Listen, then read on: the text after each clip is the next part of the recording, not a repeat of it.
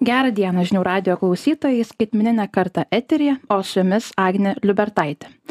Norime mes to ar nenorime, politika bei politikų primami sprendimai mūsų gyvenimui daro didžiulę įtaką. Įdomu ir tai, kiek iš tikrųjų supratimo apie tą politiką turi jauni žmonės, kuriuos įvairūs politiniai procesai lydi ir lydės dar daugybę metų. Ar politika jiems apskritai įdomi?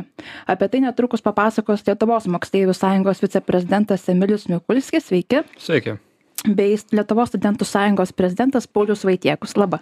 Labą. E, tai norėčiau pradėti nuo klausimų abiem, kadangi atstovaujate nors ir panašias, bet kartu ir skirtingoms organizacijoms, na, kurios vienyje jaunuolius.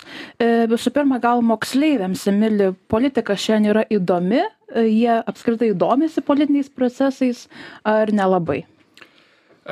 Domisi ir nesidomi priklauso pagal ką skaidytume. Be jokios abejonės yra besidominčių kai juos vis labiau ir labiau tai pradeda paliesti. Nu specifiniai klausimai pavyzdžiui va dabar su tarpiniais egzaminais atsinaujinusiom programom kai švietimas aplamai pakankamai dabar daug dėmesio susilaukia dėl anksčiau priimtų sprendimų be jokios abejonės juos domina a kodėl? Nu ir kaip kiekvieną iš mūsų a mes galim pamatyt buvo vat ūkininkų protestas mes prieš tai žemės ūkiu dauguma mūsų nesidomėjo nebent patys buvom susiję su ta sritimi.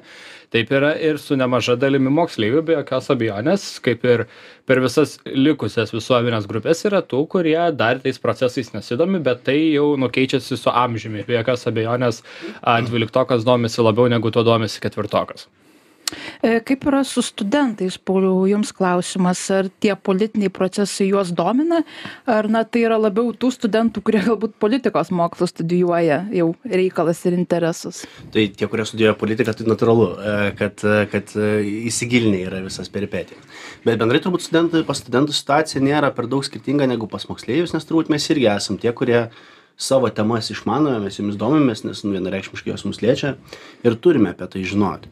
Tai ta vadinkime partijų gal politika, jinai dar yra šiek tiek e, nemažai daliai toks nepažįstamas padaras, bet iš tikrųjų tie, kurie aktyviau įsitraukia šiaip bendrai jaunimo politika tai vat ir studentų organizacijos kažkokios tai natūralu kad nu savaime jie jau pradeda pajust truputėlį kad kas yra viena kas yra kita.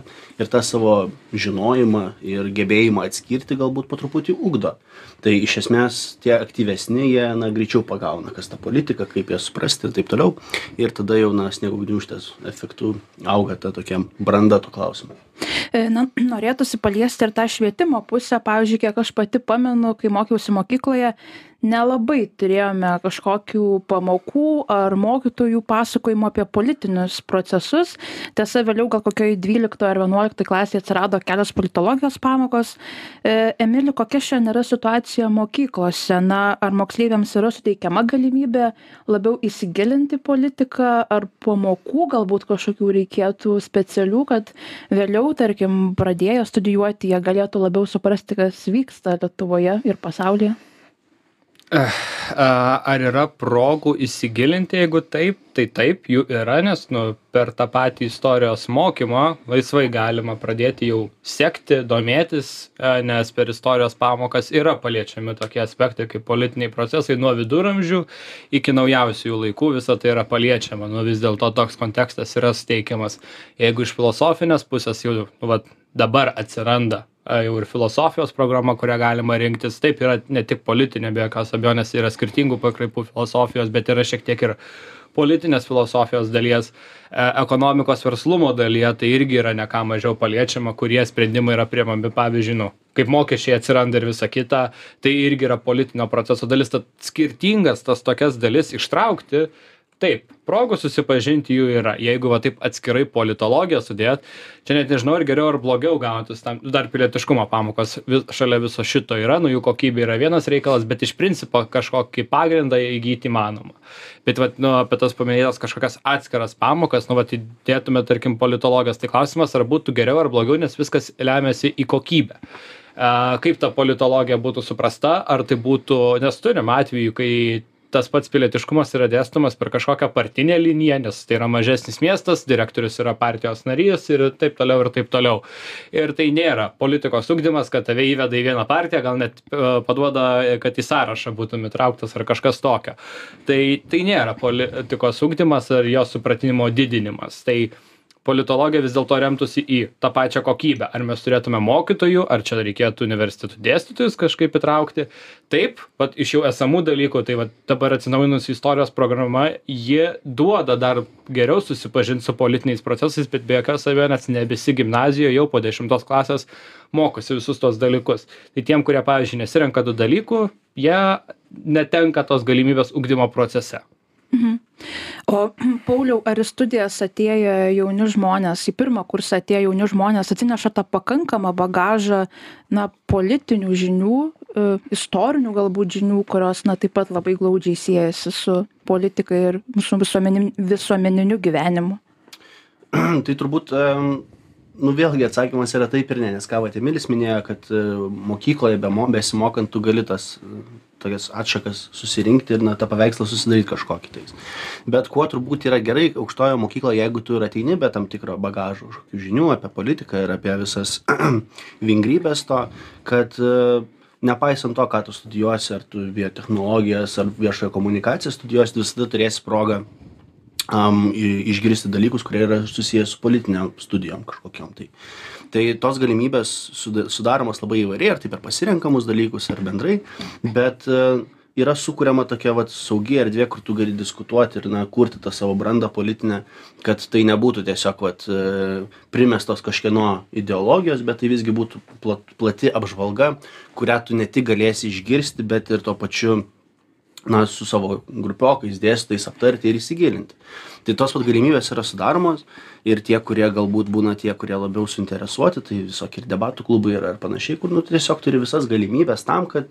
e, ne tik sužinotum bet ir ugdytum savo supratimą. Apie politikos ir mokyklos santykių kolegoms iš prancūzijos kalbėjo ir vienas studentas. Turime būti labiau informuojami apie aktualijas apskritai vidurinėje mokykloje kad labiau suprastume europos sąjungą. Problema ta kad vidurinėse mokyklose labai mažai mokoma apie dabartinius reikalus reikalus. Realiai mes išvis apie tai daug nekalbame. Negalime įvardinti konkrečios politikos užtikrinančios kad vidurinės mokyklos kalbėtų apie europos sąjungą. Bet manau kad integruojant į vidurines mokyklas daugiau diskusijų kultūros europos sąjunga natūraliai taps vienu iš nagrinėjamų dalykų. Norėtųsi paklausti kas jūsų manymu turėtų būti atsakingas už tai kad jauni žmonės susipažintų tiek su savo šalies tiek ir su ta pačia europine politika kuri ypač šių dienų kontekste yra labai svarbi na ar visgi pats jaunuolis turi norėti apie tai sužinoti galbūt čia ir tėvų vaidmenį galima išskirti. Aš manau taip kad iš tikrųjų šitam klausimui tai mes visi esam atsakingi. Kiekvienas iš mūsų tiek ir tas jaunuolis kuris a na ruošiasi ten stoti į aukšt aukštąją mokyklą ar tiesiog na pirmą kartą balsuoti. Tėvai mokymo institucijos na ir be abejo turbūt ir nevyriausybinis sektorius ką ką ir stengiamės daryti tai na edukuoti ir šviesti visus. Nes na iš tikrųjų tai tikrai turbūt kyla klausimas kiek vat jaunų žmonių gali pasakyt apie europos sąjungą kažką daugiau negu to kad mes vat į ją įstojom ir esam jos nariai. Apie vertybes kurias atstovauja turbūt na to šiek tiek trūksta ir kaip ir minėjau ta atsakomybė be abejo yra iš visų nes nu turbūt ir statistika tą parodys kad am iš labiau išsilavinusių turbūt na namų ūkių na natūralu kad ir tas žinojimas šito gal platesnis ateina. Tai tėvų rolė be abejo yra didelė nes na jie ir formuoja turbūt tą pirminį a supratimą apie tam tikras vertybes politines o vėliau jau na mokymosi įstaigose tu gali plėsti ir na jau po truputį formuoti savo tam tikrą pasaulėžiūrą supratimą kuris na ir ateis nu iš to kad tu domėsies norėsi išmokti ir tau svarbiausia ta informacija suteiks Mhm. Ir na, dar vienas aspektas, kurį norėtųsi paliesti, jau beveik dviejus metus turime žiaurų karą, kurį pradėjo Rusija prieš Ukrainą. Ir na, bent jau kiek tenka stebėti iš šono, pakankamai nemažai jaunų žmonių būtent tai ir paskatino labiau šiek tiek pasigilinti į pasaulio politiką, į Europos institucijų darbą, kurios taip pat yra labai, na, glaudžiai dabar susijusios ir tiek su parama, tiek su visais kitais reikalais.